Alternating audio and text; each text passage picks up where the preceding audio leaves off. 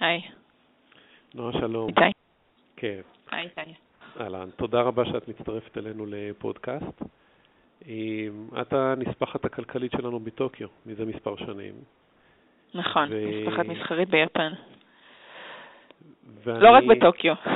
לא רק בטוקיו, אבל המשרד הוא בטוקיו. כן, יש לנו משרד נוסף באוסקה. שני משרדים בעצם, שאני אחראית עליהם.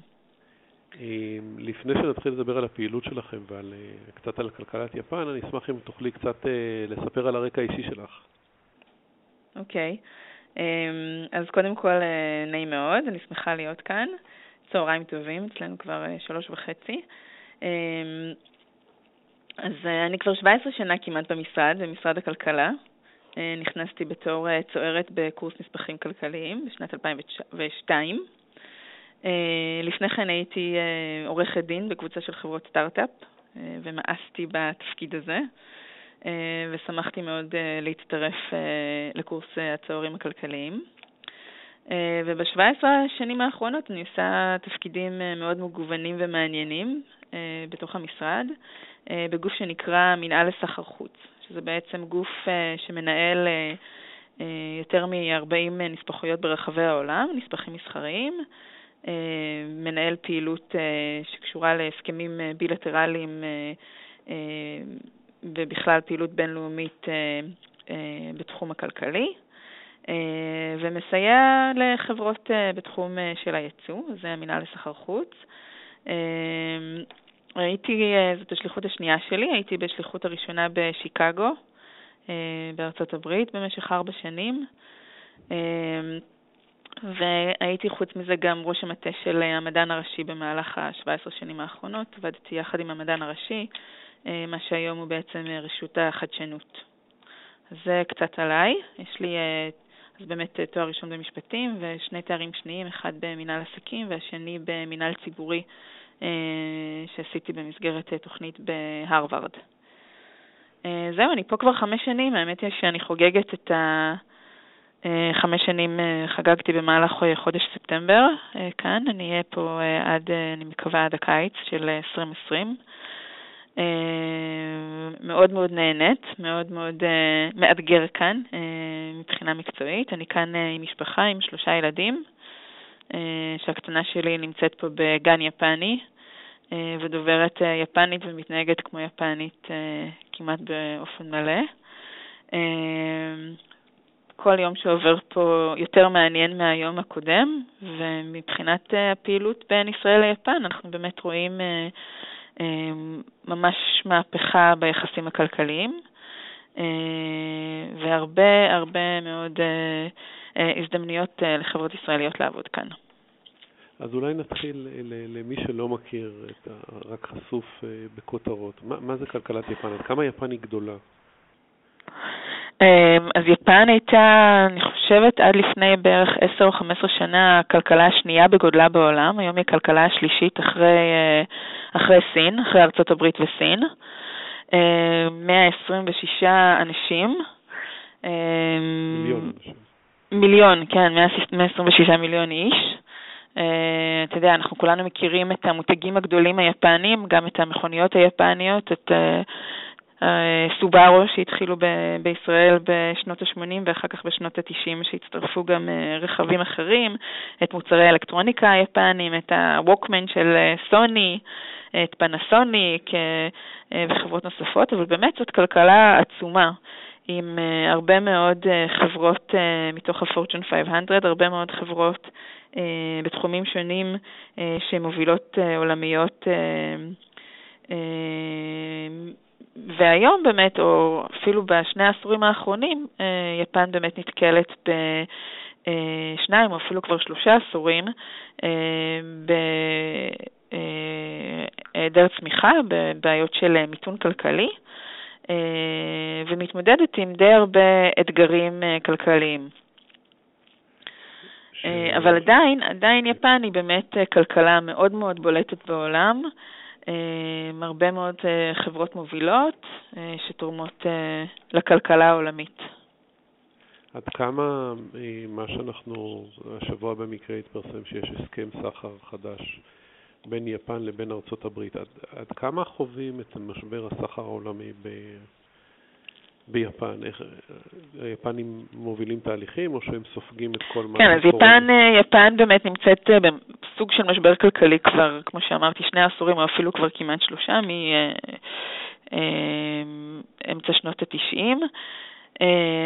ובאמת בשנים האחרונות יש פה את תוכנית האבנומיקס, שזה בעצם המשנה הכלכלית של ראש ממשלת יפן, שזו תוכנית שנועדה להוציא את יפן מהמשבר הכלכלי. ולגרום להאצה כלכלית. באמת, האבנומיקס זה אחת התוכניות שאנחנו רואים אותן, שמאוד מאוד משפיעות על, על הכלכלה, או לפחות מקווים שזה ישפיע על הכלכלה. אה, שזו תוכנית שבנויה משלושה ארוס, משלושה מרכיבים מרכזיים, הרחבה מוניטרית, אה, הרחבה פיסקלית ורפורמות אה, מבניות.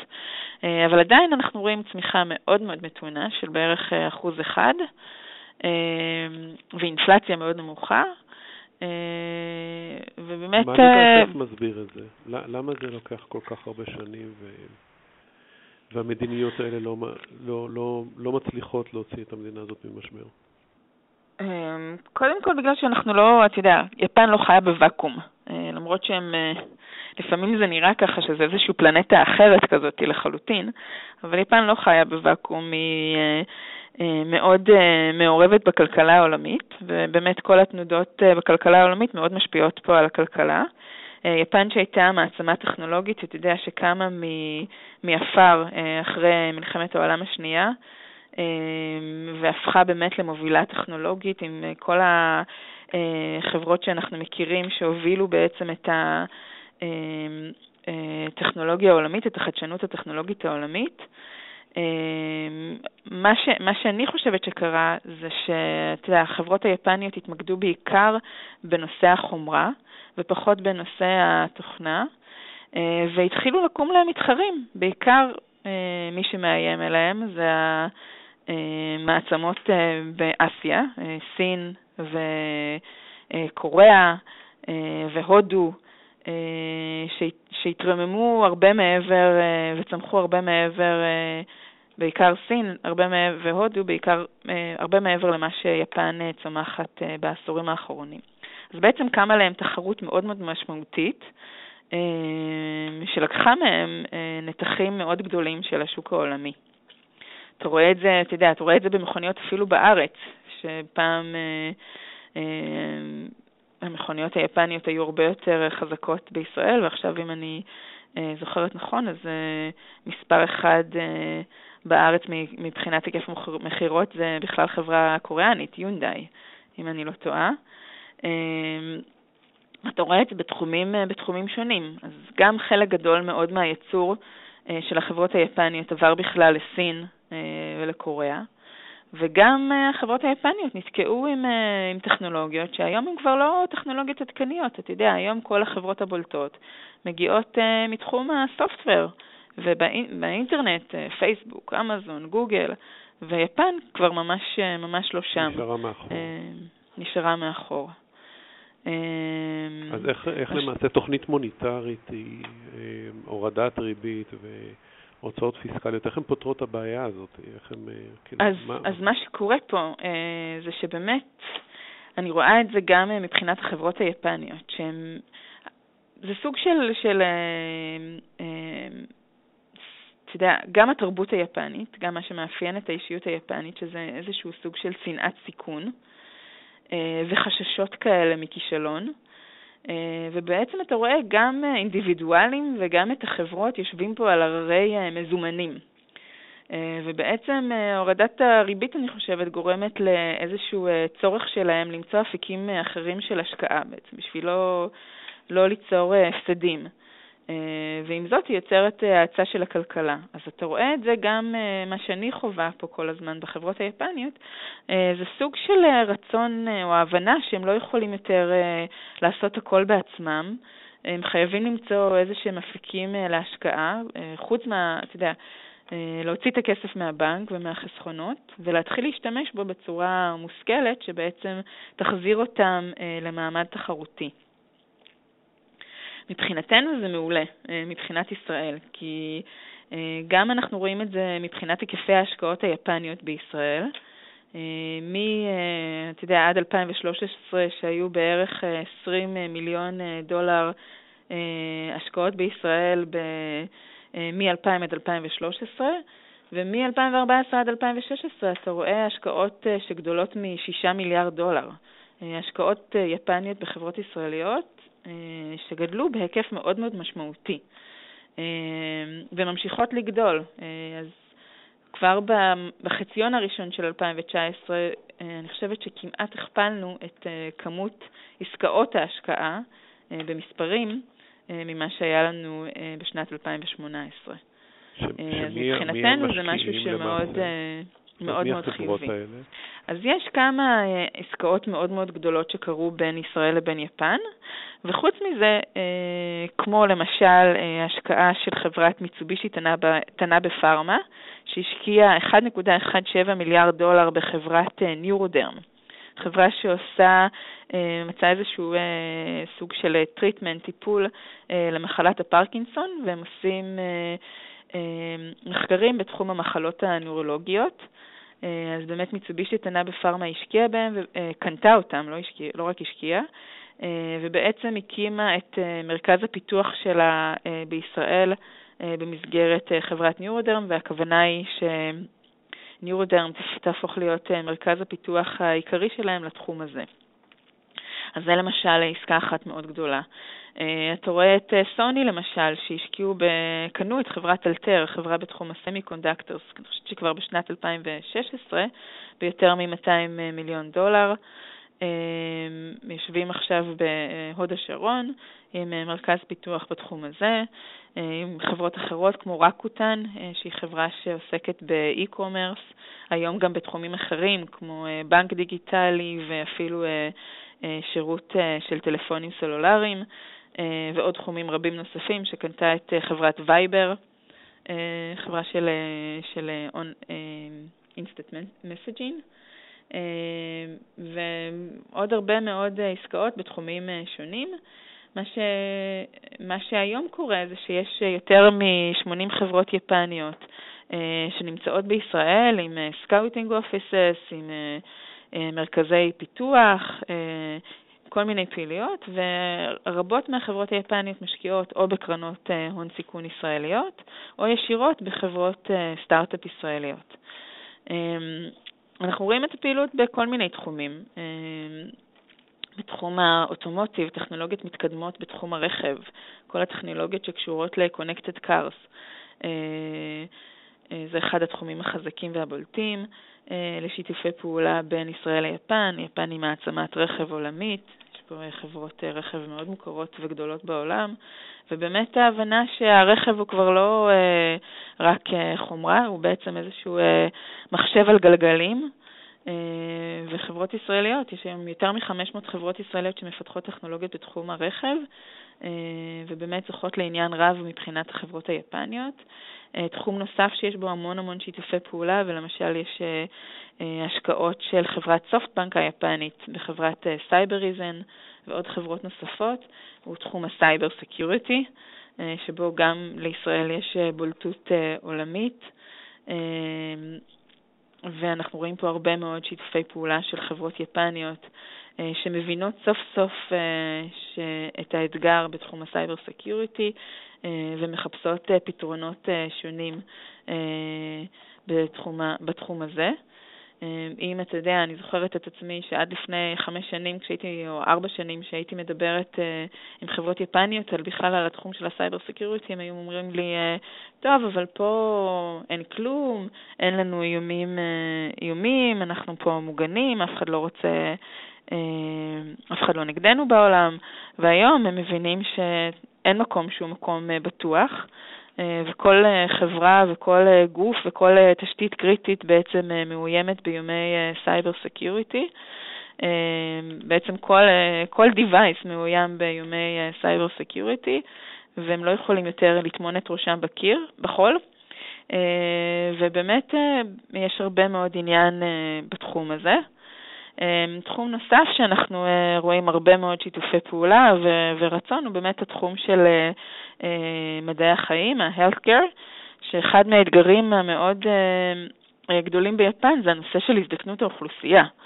כשהיחס של המבוגרים, בעצם אנשים מעל גיל 65, לאנשים שעובדים הוא 1 ל-4, זאת אומרת יש מבוגר אחד על כל ארבעה עובדים, ועד 2025, שזה אוטוטו, זה יהיה כבר 1 ל-2. זאת אומרת שכל אה, כל אה, שני עובדים צריך, יצטרכו לפרנס אה, בן אדם שהוא כבר יצא מ, מכוח העבודה היפני, שזה נורא מבחינת איך היפנים. איך מתמודדים עם זה? ובאמת, באמת זה אחד האתגרים העיקריים, ואנחנו רואים הרבה מאוד הגדלה של הוצאות בתחום הזה, שנעשית על ידי הממשלה היפנית. מדברים עכשיו על שוק של 34 מיליארד דולר אה, אה, שנתי, עם גידול של אה, כמעט 4 זה בעצם כבר הופך להיות 10 מתוך התל"ג היפני. ומנסים לקדם. הממשלה היפנית מנסה לקדם הרבה מאוד דרכים בעצם להתחדשות של מערכת הבריאות. אז אם זה יצירה של שיתופי פעולה עם גורמים מחוץ ליפן, וגם יצירה של שיתופי פעולה מתחו, אה, בין האקדמיה היפנית לבין התעשייה היפנית. אה, אנחנו רואים הקמה של מרכזי חדשנות בתחום הרפואה. יש עכשיו איזושהי יוזמה תחת הקבינט היפני להקים AI hospital, זאת אומרת בתי חולים שמבוססים על בינה מלאכותית. יש פה תוכניות לצמצום הרגולציה היפנית, שבעצם אה, כרגע התהליך הוא תהליך די ארוך, בעצם ה-FDA היפני, ה-PMDA, אה, גוף שנקרא PMDA, אה, מנסים להפחית את הרגולציה הנדרשת בו בשביל לאפשר הכנסה של תרופות חדשות ושל devices חדשים ולזרז את התהליכים. מנסים לאתר אה, פתרונות אה, שיפחיתו את העומס על בתי החולים, אז פה נכנס כל התחום של דיגיטל אה, healthcare, שזה תחום שישראל מאוד מאוד חזקה בו, ובאמת אנחנו פועלים לקידום שיתופי פעולה בתחום הזה. אז זה בעצם מה שאנחנו רואים שנעשה פה על ידי הממשלה היפנית, ואני יכולה להגיד לך שהרבה מאוד חברות יפניות שאפילו, אתה יודע, שהיו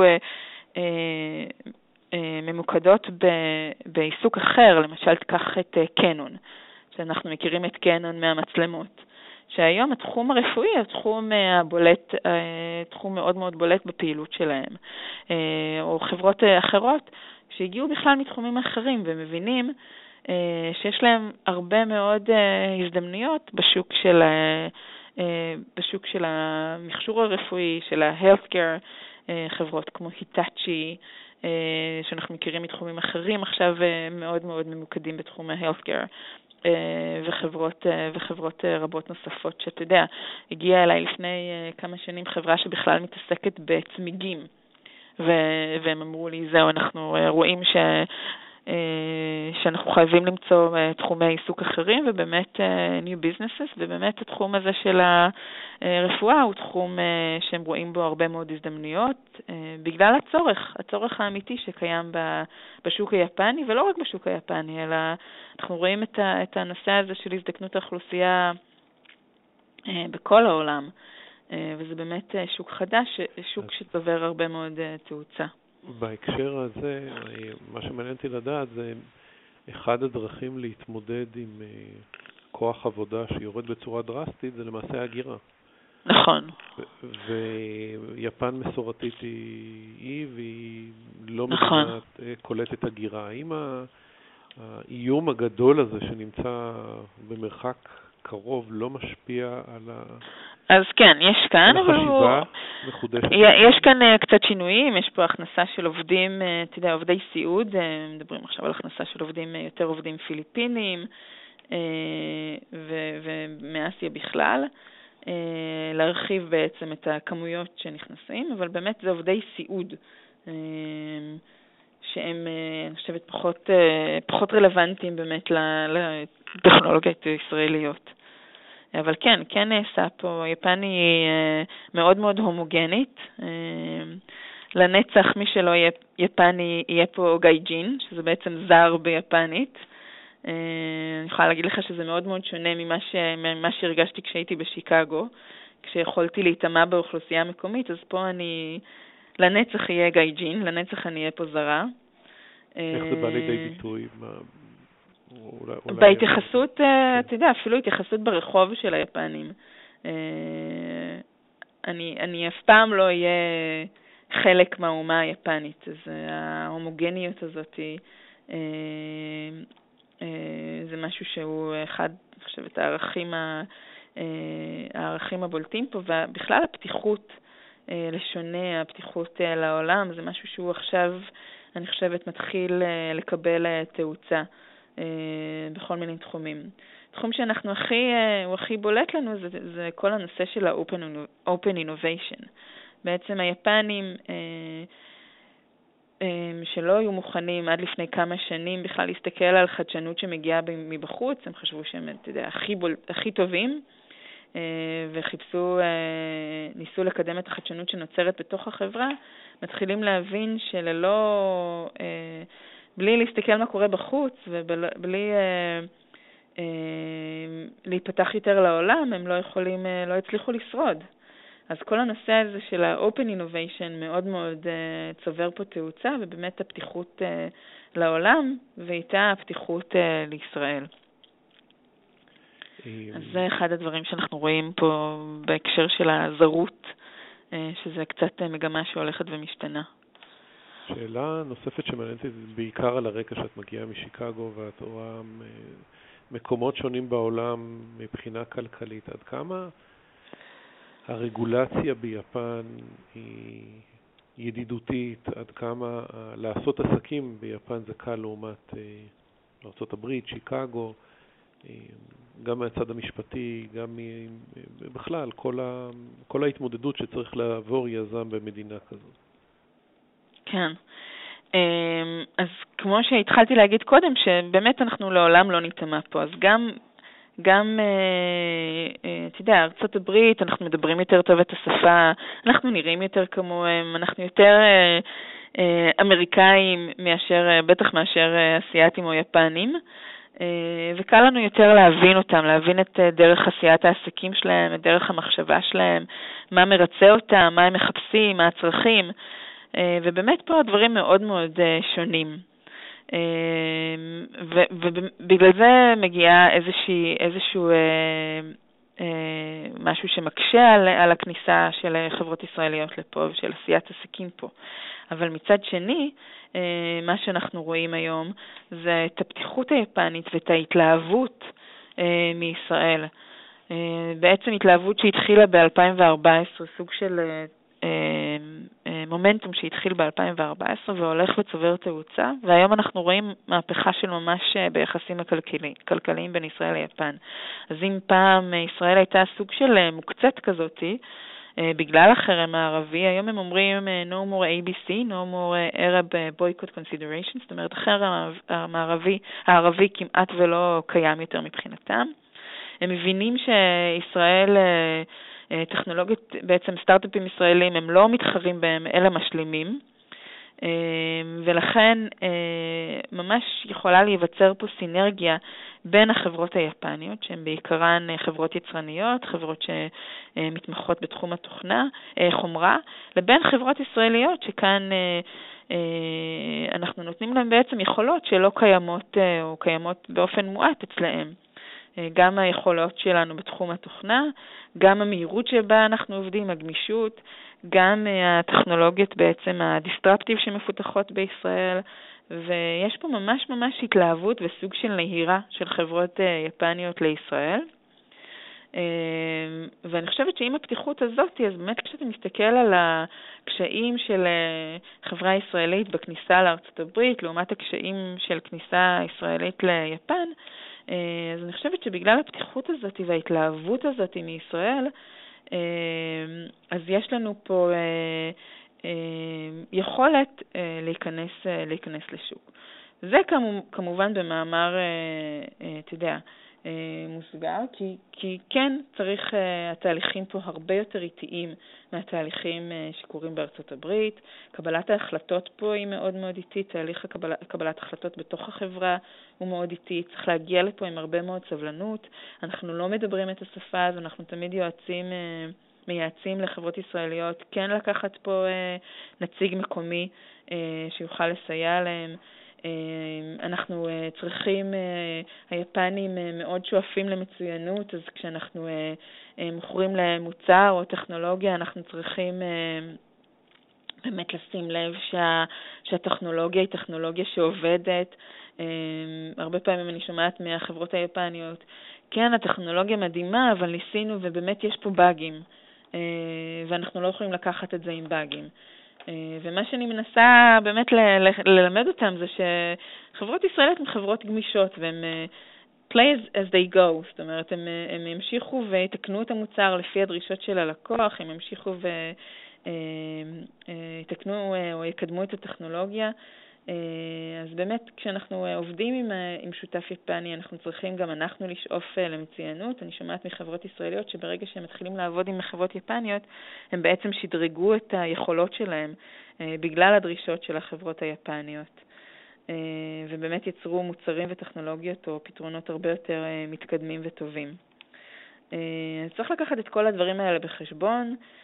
אני לא ממליצה בדרך כלל לחברות ישראליות להגיע לכאן כשוק ראשון, בגלל, בגלל כל הדברים האלה, בגלל הקשיים האלה ובגלל האיטיות שבה נוצרות פה עסקאות. אבל once you get it, ברגע שאתה באמת מצליח פה להתקדם מול שותף יפני, אה, אני חושבת שזה אה, מר... נבנות פה מערכות יחסים לטווח ארוך. אה, יש פה הרבה מאוד נאמנות של השותף היפני לחברה הישראלית. הם מאוד נפגעים כשחברה ישראלית רוצה ללכת עם מישהו אחר. הם משקיעים המון בכניסה של, של השותף הישראלי שלהם לשוק היפני. אה, צריך לקחת את כל הדברים האלה בחשבון, אבל באמת, אם אתה, אני חושבת שאם אתה מצליח להיכנס כאן לשוק, אז צריך, אה, אה, זה משהו שהוא באמת לטווח, לטווח ארוך יותר. למעשה מה שאת מתארת זה תהליך בנייה ארוך של אמון, על היתרונות נכון. נכון. צריך לבנות אמון של זר שצריך להגיע נכון, להקלה שהיא נכון. מאוד סגורה. כן, ואני חושבת שאנחנו, אה, יש לנו פה יתרון יחסי מאוד מאוד בולט, שלא תמיד אפשר לראות אותו כשאתה מתחרה עם סטארט-אפים יפנים. אה, באמת כל הנושא של היזמות פה הוא אה, מאוד מאוד בחיתוליו, סטארט-אפים אמריק, אמריקאים. כל הנושא של היזמות פה הוא מאוד בחיתוליו, אין כמעט סטארט-אפים יפנים, ו... ו לכן, לכן באמת היכולות שלנו הן יותר יכולות אה, משלימות ולא אה, מתחרות. אה, לעומת מה שקורה בארצות הברית, שיש שם הרבה מאוד סטארט-אפים, הרבה מאוד תחרות לחברות הישראליות. אז זה ככה קצת להשלים את התמונה. תודה רבה לך, היה מאוד מעניין. ונחכה לשמוע על התפקיד הבא שלך בעוד שנה. נדבר ממקום אחר. תודה רבה. תודה רבה ושנה טובה. ביי ביי. ביי ביי.